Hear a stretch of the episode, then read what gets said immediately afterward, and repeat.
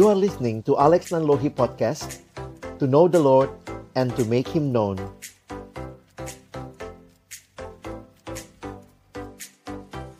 Mari sama-sama kita berdoa sebelum kita membaca merenungkan firman Tuhan. Kami datang dalam ucapan syukur kepadamu Tuhan, karena sungguh Engkau baik dan Engkau menyatakan kebaikan-Mu di dalam kehidupan kami. Terima kasih kesempatan sore hari ini. Kami datang dalam ucapan syukur kepadamu, memuji, memuliakan namamu. Kami menaikkan setiap permohonan doa kami kepadamu. Dan tiba waktunya bagi kami untuk membuka firman-Mu ya Tuhan. Karena itu kami mohon ya Tuhan ketika kami akan membuka firman-Mu, bukalah juga hati kami. Jadikanlah hati kami seperti tanah yang baik. Supaya ketika benih firman-Mu ditaburkan, itu boleh sungguh-sungguh berakar, bertumbuh, dan juga berbuah nyata di dalam kehidupan kami. Berkati baik hambamu yang menyampaikan, setiap kami yang mendengar, Tuhan tolonglah kami semua. Agar kami bukan hanya menjadi pendengar-pendengar firman yang setia, tapi mampukan dengan kuasa pertolongan dari rohmu yang kudus. Kami dimampukan menjadi pelaku-pelaku firmanmu di dalam hidup kami, di dalam masa muda kami. Bersabdalah ya Tuhan, kami umatmu sedia mendengarnya. Di dalam satu nama yang kudus, nama yang berkuasa, nama Tuhan kami Yesus Kristus kami menyerahkan pemberitaan firman-Mu. Amin.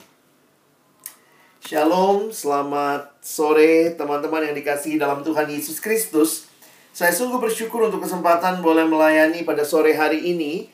Kita melihat bagaimana Tuhan mengasihi orang muda sehingga di dalam generasi ini pun Tuhan terus boleh memberikan kesempatan kita datang memuji memuliakan namanya dan kita sama-sama akan merenungkan kebenaran firman Tuhan. Saudara, sore hari ini kita sama-sama akan merenungkan firman Tuhan dengan tema yang diberikan kepada kita yaitu You are worth it. Nah, kita akan bicara tentang apa sebenarnya yang mendasari setiap identitas kita sebagai orang-orang yang hidup di dalam Tuhan di tengah dunia ini. Pertanyaan sepanjang zaman yang sering kali ditanyakan adalah pertanyaan siapakah saya? Karena ketika manusia tidak tahu dirinya siapa, maka mungkin sekali manusia memiliki pandangan terhadap diri yang kurang tepat. Apakah benar dia memandang dirinya kadang-kadang terlalu tinggi sehingga jadi sombong atau memandang diri terlalu rendah, jadinya minder. Sehingga di tengah-tengah kehidupan dunia ini, kita melihat betapa pentingnya kita semua menjawab pertanyaan Who am I? Siapakah saya? Dan kalau kita kaitkan dengan mengasihi diri, self-love. Seringkali orang berkata, jangan mengasihi diri. Bukankah mengasihi diri itu jadinya kita begitu fokus kepada diri kita? Tetapi kalau kita mempelajari ada konsep tentang self love, saya coba kutipkan bagi kita untuk nanti kita bisa memahami. Self love adalah bentuk penerimaan dan penghargaan terhadap diri sendiri. Bagaimana Anda mencintai diri Anda apa adanya, serta memperhatikan kesejahteraan dan kebahagiaannya. Saudara yang dikasihi dalam Tuhan Yesus Kristus, sering kali masalah kita ketika kita tidak men menerima diri kita, tidak menghargai diri kita, maka mungkin sekali relasi dengan orang lain juga mengalami gangguan atau hambatan. Ketika kita sulit menerima diri, Sebenarnya pada saat itu kita pun sedang komplain sama Tuhan dan mungkin kita sedang membandingkan diri dengan sesama. Karena itu kita ingin melihat betapa pentingnya kita mengenal diri kita dalam identitas yang jelas dan kemudian kita mengasihi diri kita dengan tepat, memperhatikan diri kita dengan tepat, dan kemudian sesudah itu kita akan bisa melihat bagaimana akhirnya relasi dengan sesama juga boleh menjadi bagian yang penting di dalam kehidupan kita. Ayat firman Tuhan yang mendasari perenungan kita sore hari ini diambil di dalam 1 Yohanes pasal 3 ayat 1 dan ayat yang kedua. Mari kita lihat sama-sama. Lihatlah betapa besarnya kasih yang dikaruniakan Bapa kepada kita sehingga kita disebut anak-anak Allah dan memang kita adalah anak-anak Allah. Karena itu dunia tidak mengenal kita sebab dunia tidak mengenal dia. Saudara-saudaraku yang kekasih, sekarang kita adalah anak-anak Allah, tetapi belum nyata apa keadaan kita kelak. Akan tetapi kita tahu bahwa apabila Kristus menyatakan dirinya, kita akan menjadi sama seperti Dia, sebab kita akan melihat Dia dalam keadaan yang sebenarnya. Teman-teman yang dikasihi Tuhan, kita nanti coba pahami ayat ini sama-sama. Ayat yang berulang kali Rasul Yohanes menekankan kita anak Allah. Kita sekarang adalah anak-anak Allah. Nah, kita ingin mengajak saya ingin mengajak kita untuk melihat sebenarnya bagaimana secara tepat kita memandang diri kita. Pertanyaan tadi, pertanyaan who am I? Sebenarnya kalau kita coba pikirkan dan renungkan, kalau kita elaborasi ini terkait dengan tiga pertanyaan lainnya. Ketika kita menjawab who am I ini sebenarnya yang ingin ditanyakan adalah saya ini datangnya dari mana? Where do I come from? Lalu yang kedua, ngapain saya ada di sini? Untuk apa saya di sini? Dan yang ketiga, Mau ke manakah saya?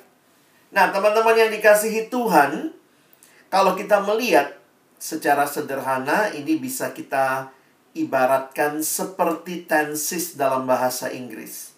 Pertanyaan pertama berkaitan dengan past, dari mana saya datang? Pertanyaan kedua berkaitan dengan present, untuk apa saya di sini? Dan pertanyaan ketiga berbicara future, mau ke manakah saya? Seringkali manusia mencoba mencari jawaban dari pertanyaan-pertanyaan ini. Tetapi sayangnya, cari jawabannya bukan di tempat yang tepat. Ketika bicara masa depan, apa yang dilihat? Oh, bintang minggu ini. Wah, Capricornus. Kamu hati-hati sama Pisces. Dia ikan, nanti kamu basah. Saudara, lucu ya manusia bisa begitu percaya, mempercayakan diri kepada ramalan bintang. Manusia bertanya tentang dirinya saat ini, bagaimana saya hidup? Yang dibaca adalah ramalan bintang, kartu tarot. Yang dibaca adalah ramalan-ramalan yang manusia ingin tahu masa depan. Tetapi manusia tidak mencari tahu dari sumber yang tepat. Teman-teman sekarang ini kalau kita beli benda elektronik misalnya, maka itu biasanya disertai dengan buku manual, buku panduan. Siapa yang ngeluarin buku manual itu? Ya benar, pabriknya.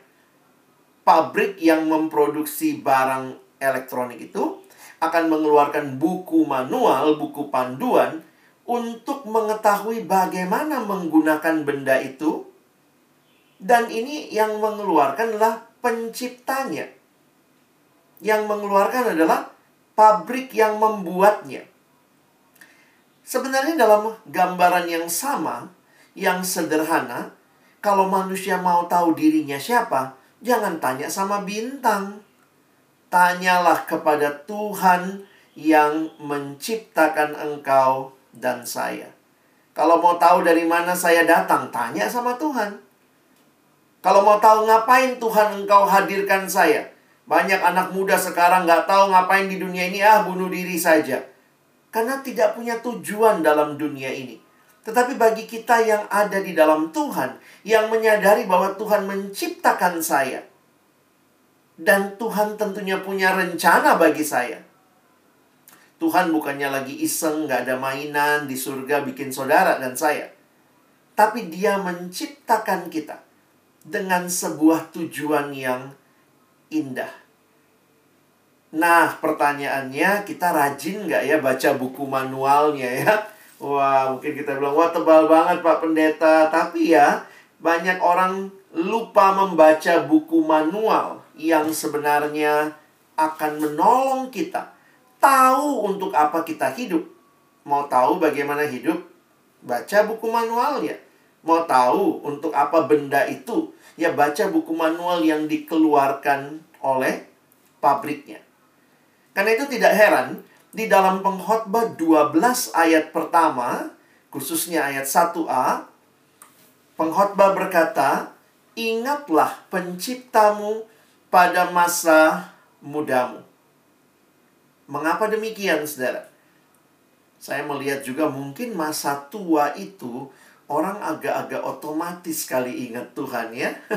Tapi kalau masih muda, wah rasanya masih panjang hidup.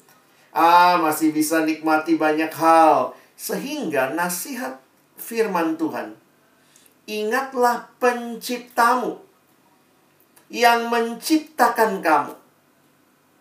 Sehingga ini menjadi penting bagi kehidupan beriman kita. Hidup yang mengingat pencipta. Kitab yang menuliskan awal penciptaan adalah kitab kejadian. Kitab Kejadian menuliskan awal mula penciptaan segala sesuatu termasuk penciptaan manusia. Mari perhatikan sebentar apa yang dikatakan ketika Allah menciptakan manusia. Kejadian 1 ayat 27 Maka Allah menciptakan manusia itu menurut gambarnya. Menurut gambar Allah, diciptakannya dia, laki-laki dan perempuan, diciptakannya mereka. Nah, teman-teman yang dikasih dalam Tuhan Yesus Kristus, perhatikan istilah ini. Manusia adalah gambar Allah. Maksudnya apa? Sebenarnya istilah gambar atau bahasa Inggris menggunakan istilah image of God, gambar Allah adalah sebuah istilah yang menyatakan bahwa manusia hadir mewakili Allah. Sebagai contoh begini. Saya sering kali pelayanan ke sekolah-sekolah, ke kampus-kampus dan satu waktu saya pergi ke sebuah sekolah SMP kalau saya tidak salah ingat.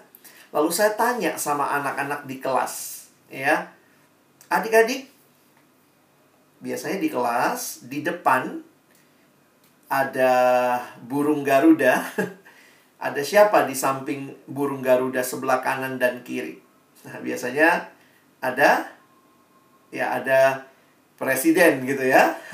Lalu kemudian presiden wakil presiden lalu saya tanya kepada mereka, "Adik-adik, mana presiden kita?" Lalu semua dengan spontan menunjuk itu itu gitu ya. Mereka tunjuk di belakang saya gitu ya karena saya kan di depan kelas. Itu itu gitu ya. Nah, kemudian saya tanya, "Apakah itu presiden kita?" Ya, kalau itu presiden kita, ada berapa presiden di sekolahmu? Karena setiap kelas punya satu presiden itu ya, yang dikatakan presiden. Sehingga saya harus ingatkan itu bukan presiden, itu gambarnya. Ya, itu gambarnya. Jadi gambar itu mewakili aslinya. Itu gambar di satu sisi, tetapi itu bukan cuma gambar, itu gambarnya presiden. Kira-kira seperti itu. Ada juga orang ditanya ya, misalnya ketemu sama keluarga atau teman begitu. Wih, yang mana pacarmu? Langsung buru-buru buka dompet terus tunjukin. Ini pacarku. Wah, ini pacarku. Wow, tipis amat pacarmu. Ya, itu bukan pacarnya, itu cuma fotonya, gambarnya. Jadi kalau dikatakan manusia gambar Allah, harusnya bagaimana kita melihat akan hal itu? Tuhan tidak bilang begini, kalau kamu uh, lakukan ini, kamu hidup baik, hidup benar, oh barulah kamu jadi gambarku. Tidak demikian. Sejak awal Allah menciptakan, dikatakan manusia itu gambar Allah. Kita tidak harus berusaha jadi gambar Allah. Tetapi kita harusnya menghidupi identitas yang Tuhan sudah kasih, kamu gambar Allah. Jadi beda ya. Kadang-kadang kan kalau orang tua suka ngomong, iya nih, anak saya sudah lulus kuliah, tapi tunggulah nanti kira-kira kalau dia sudah bisa kerja, nanti ya barulah jadi orang. Wih, kadang-kadang saya kalau dengar begitu, jadi kalau itu nanti baru jadi orang, sekarang emangnya monyet, ya? Oh anakku sudah lulus ini, udah udah kerjanya udah bagus, sudah wah sekarang udah jadi orang.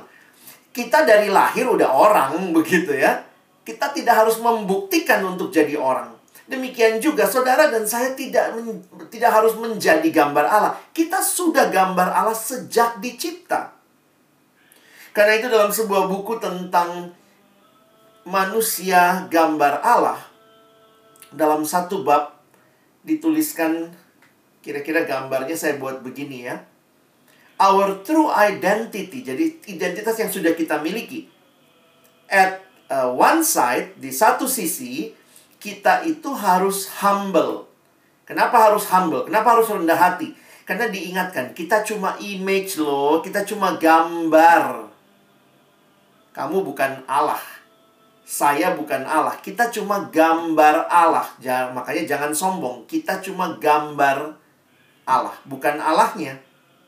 Tetapi, at another side, di sisi yang lain, ingat, kita itu bukan cuma gambar biasa kita tuh gambarnya Allah. Jadi di satu sisi ada humbleness, kerendahan hati, tetapi di sisi lain ada kemuliaan. Teman-teman jangan sepelekan dirimu. Wah, jangan menjadi orang yang kemudian merasa diri kurang ini, kurang itu. Kamu gambar Allah. Dan ini adalah identitas yang Tuhan berikan dari awal. Karena itu identitas kita itu sesuatu yang dikasih, given, bukan sesuatu yang harus diusahakan. Itu yang kasih siapa? Tuhan sudah kasih sama kita. Karena itu, kita tidak harus membuktikan apa-apa untuk jadi gambar Allah dan jadi manusia. Di dalam Dia kita telah diterima, kita dikasihi, kita berharga. Jadi, keberhargaan kita bukan karena sesuatu yang kita lakukan. Keberhargaan kita bukan tergantung diri kita melakukan apa, tetapi keberhargaan kita tergantung pencipta yang menciptakan kita. Yesaya 43 ayat 4 dengan jelas mengingatkan karena engkau berharga di mataku dan mulia dan aku ini mengasihi engkau maka aku memberikan manusia sebagai gantimu dan bangsa-bangsa sebagai ganti nyawamu. Perhatikan, ini kalimat Tuhan bagi Israel. Dan bagi kita Israel, Israel rohani, kita pun dikatakan engkau berharga. Saya banyak melayani siswa, satu waktu ada siswa yang datang dan cerita. Kak Alex, ya saya datang kalau dia dengan sedih gitu. Kak, aku dibilang jelek. waktu saya perhatikan ya emang jelek saudara ya. Kenapa begitu ya? Saya pikir begini dan saya bilang sama dia, jelek itu dalam arti maksudnya jelek itu kan kalimat yang kamu dengar dari orang. Tetapi kalau kamu lihat ayat ini, saya bacakan ayat ini. Tuhan bilang kamu berharga. Seringkali memang manusia waktu kita melihat orang yang mungkin secara fisik tampilannya kurang sesuai, agak jelek, kita bilang, wah, udahlah, nggak usah hidup kamu. Kesannya karena dia jelek, jadi dia tidak berharga. Tapi hari itu saya ingatkan dia, ingat, kamu berharga. Tapi kata temanku aku jelek, itu urusan dia. Saya bilang gini, kalau ada yang bilang kau jelek, tatap matanya, pelototin, liatin. Bilang sama dia, kau bilang aku jelek, masalahnya bukan di diriku, di matamu. gitu ya, saudara ya. Di matamu masalahnya. Kenapa? Karena penciptaku bilang aku ber aku berharga. Lihat ayat ini baik-baik. Siapa yang bilang kau berharga? Tuhan loh. Oh, mau temanmu bilang kau jelek, kau nggak berharga. Dengerin siapa teman-teman? Harus dengerin Tuhan yang mengatakan engkau berharga dan mulia. Makanya saya bilang tidak tergantung bentuk rupa kita. Tetapi Allah menciptakan kita berharga. Dan perhatikan ayat 4, pasal 43 ayat 7 ya jadi di bawahnya sedikit ditutup peri, uh, satu perikop itu dengan kalimat ini. Semua orang yang disebutkan dengan namaku perhatikan yang kuciptakan untuk kemuliaanku. Ada tujuan Tuhan ciptakan kita untuk kemuliaannya dia yaitu orang-orang yang kubentuk dan yang juga kujadikan. Kita itu punya tujuan dalam hidup Teman-teman jangan pernah sepelekan dirimu. Jangan lihat dirimu dari oh saya keluarganya kurang mampu kak. Abang saya keluarganya kayaknya tidak seperti keluarga si Anu. Kalau di sana semua tamat kuliah di keluarga kami, baru saya ini yang kuliah. Oh keluarga kami nggak punya banyak harta. Keluarga kami mungkin tidak terlalu dipandang. Lalu mungkin juga ada yang melihat, oh aku kurang berharga karena bentuk fisikku tertentu. Atau mungkin ada yang mungkin punya kele kelemahan atau punya cacat di tubuh. Tuhan tidak mengatakan engkau kurang bagus nih, agak KW kau ya. Enggak, enggak begitu. Tuhan katakan engkau berharga. Apa tujuan Tuhan? Ngapain Tuhan engkau hadirkan aku dalam dunia ini? Kadang-kadang banyak yang begitu ya. Waktu menyesali nasib, Tuhan, kalau hidupku begini aja, putus pacar terus ngapain aku hidup? Lah, hidup bukan cuma masalah pacaran, coy, gitu ya. Lihat ini, engkau kuciptakan untuk kemuliaanku. Ayo move on, kalau memang harus move on, udah selesai, udah. Bangun relasi yang sehat, punya banyak teman, nanti bisa lihat lagi siapa yang Tuhan arahkan. Oh, ini dia calon calon pasangan saya. Jadi, teman-teman, Tuhan punya rencana dan kita harus selalu ingat itu.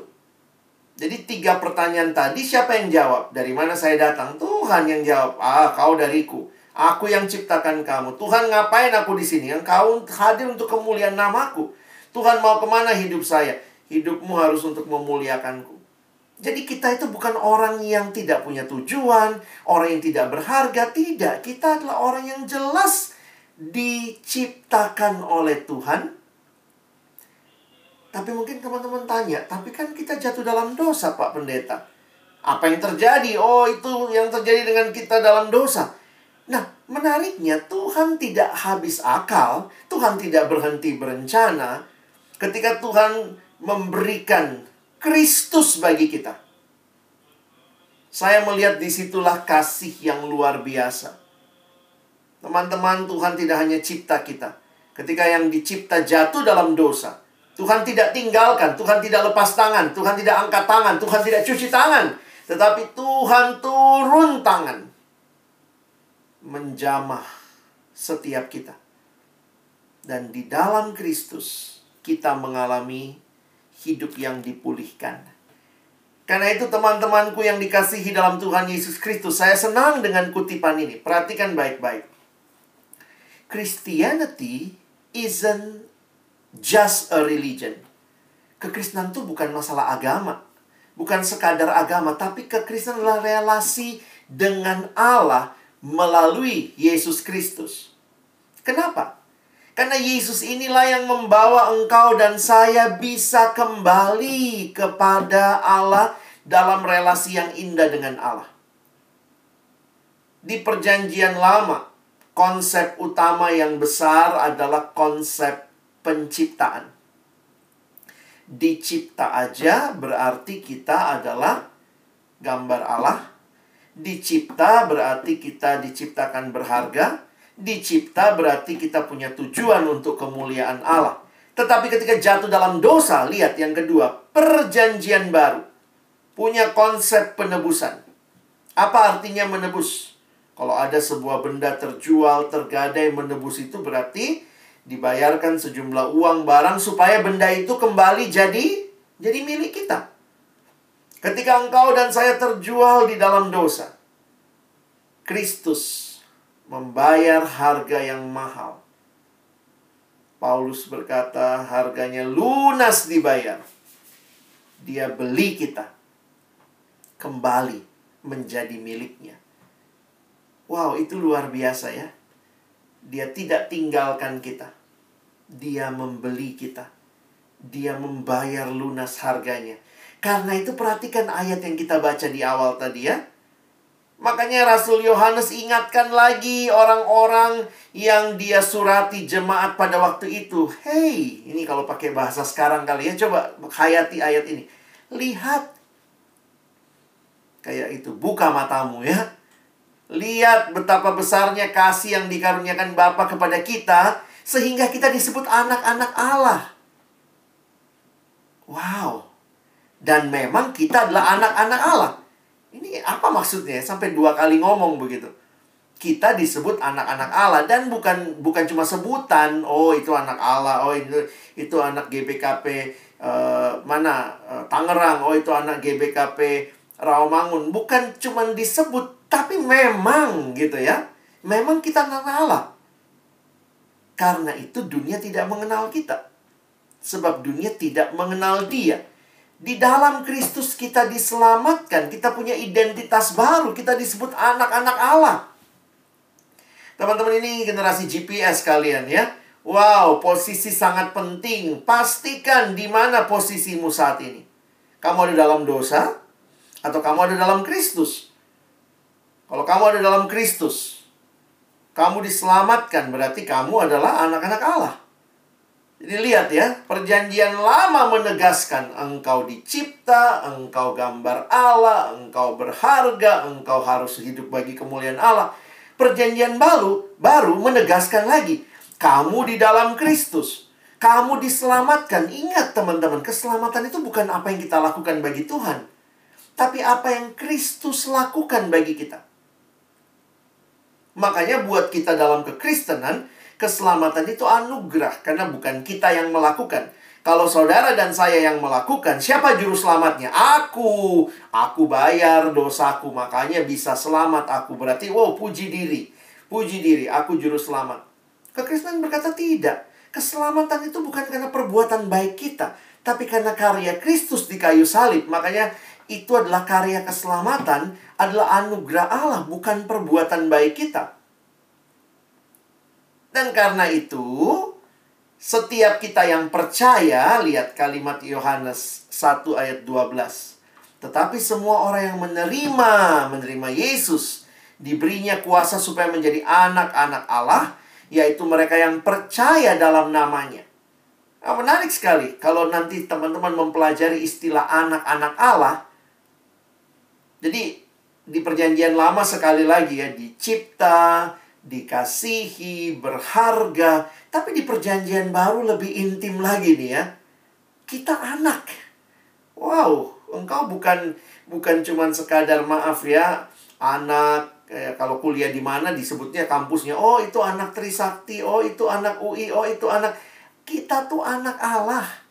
Roma 8 menegaskan semua orang yang dipimpin roh Allah adalah anak Allah.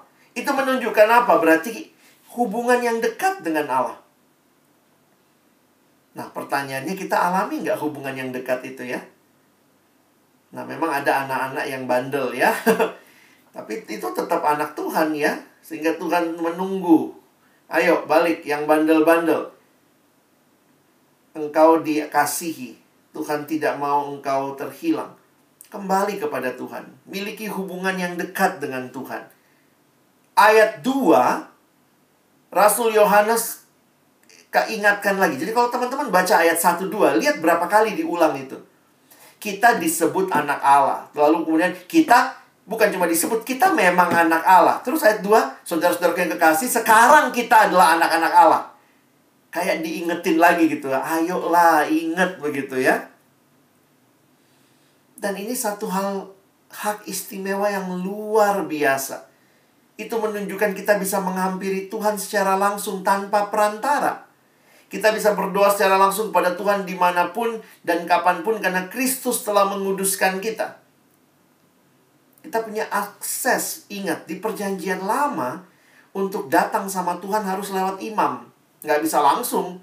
Tapi di perjanjian baru, Kristus telah membuka tirai itu yang memisahkan antara manusia dengan Allah sehingga kita sekarang bisa datang langsung kepada Tuhan.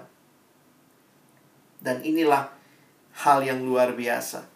Bapak Timothy Keller mengatakan kalimat yang menunjukkan apa artinya anak. Nah, ini kalimatnya menarik ya. the only person who dares wake up a king at 3 a.m. for a glass of water is a child. And we have that kind of access. Coba, kalau ada raja di dunia ini ya, siapa yang berani bangunin raja jam 3 pagi minta air? Raja-raja minta air.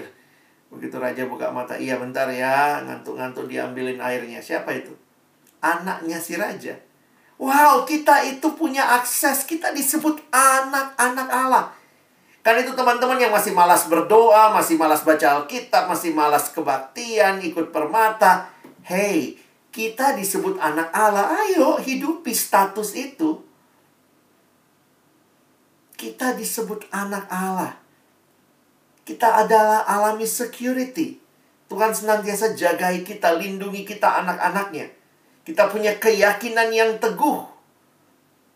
Dan keyakinan kita bukan cuma di sini, teman-teman ya Perhatikan ayat 2, masih di ayat 2 bagian terakhir.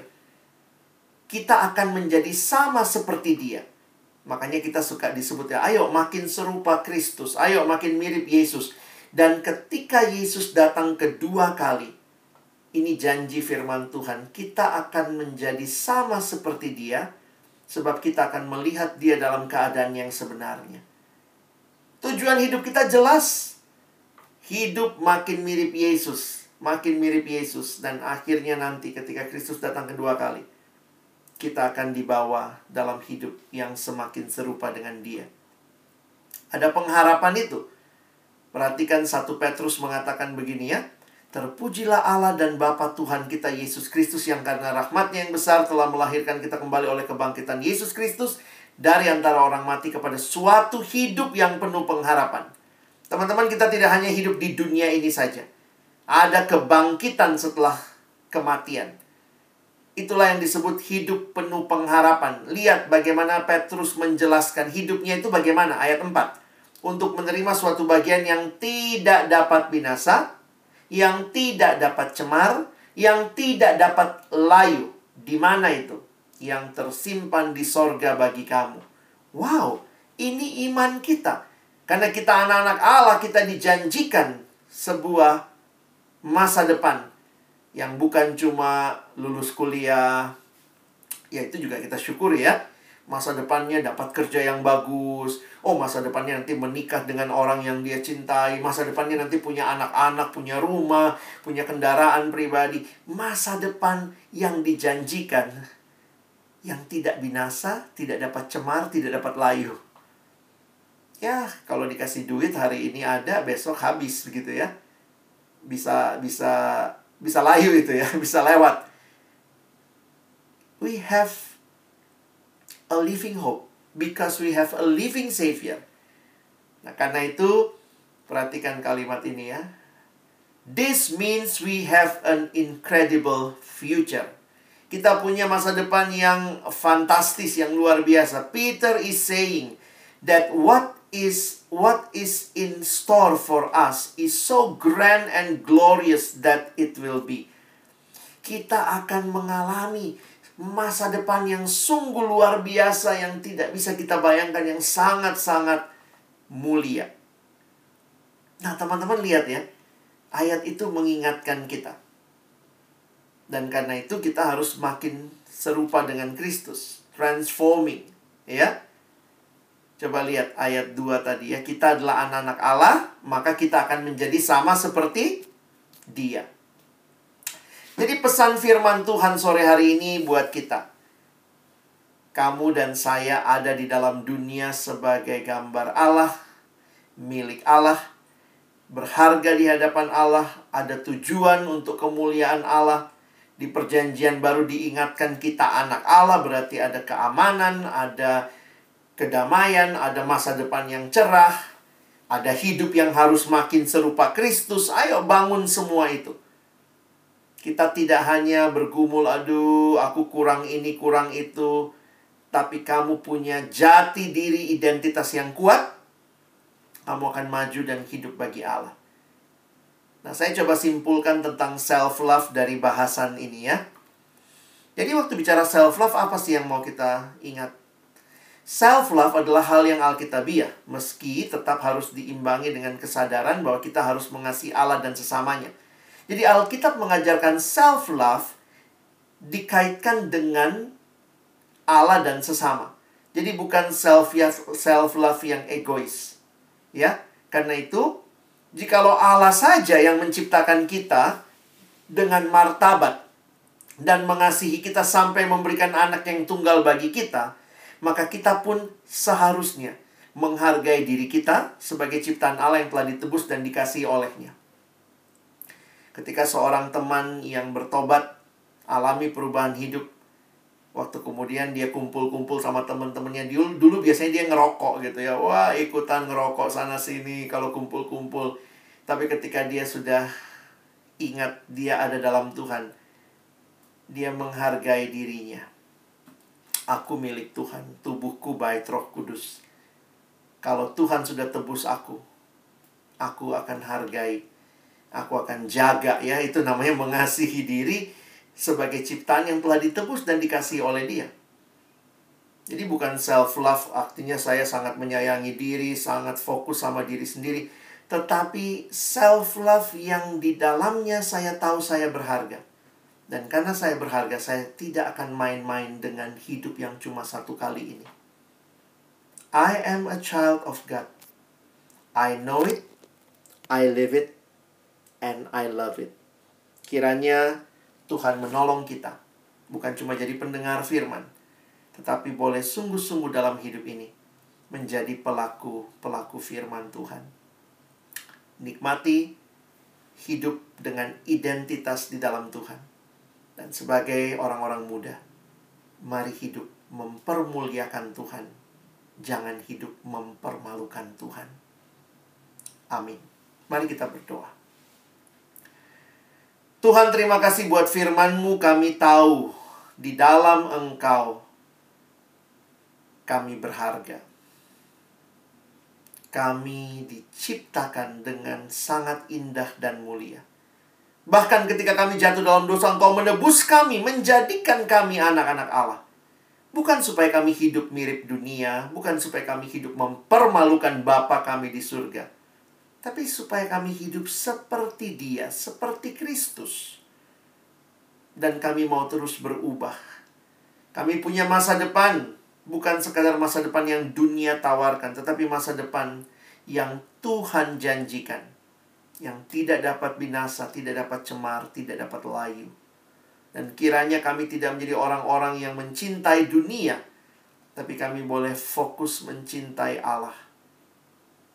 Inilah doa kami, tolong kami bukan cuma jadi pendengar firman, tapi jadi pelaku-pelaku firman.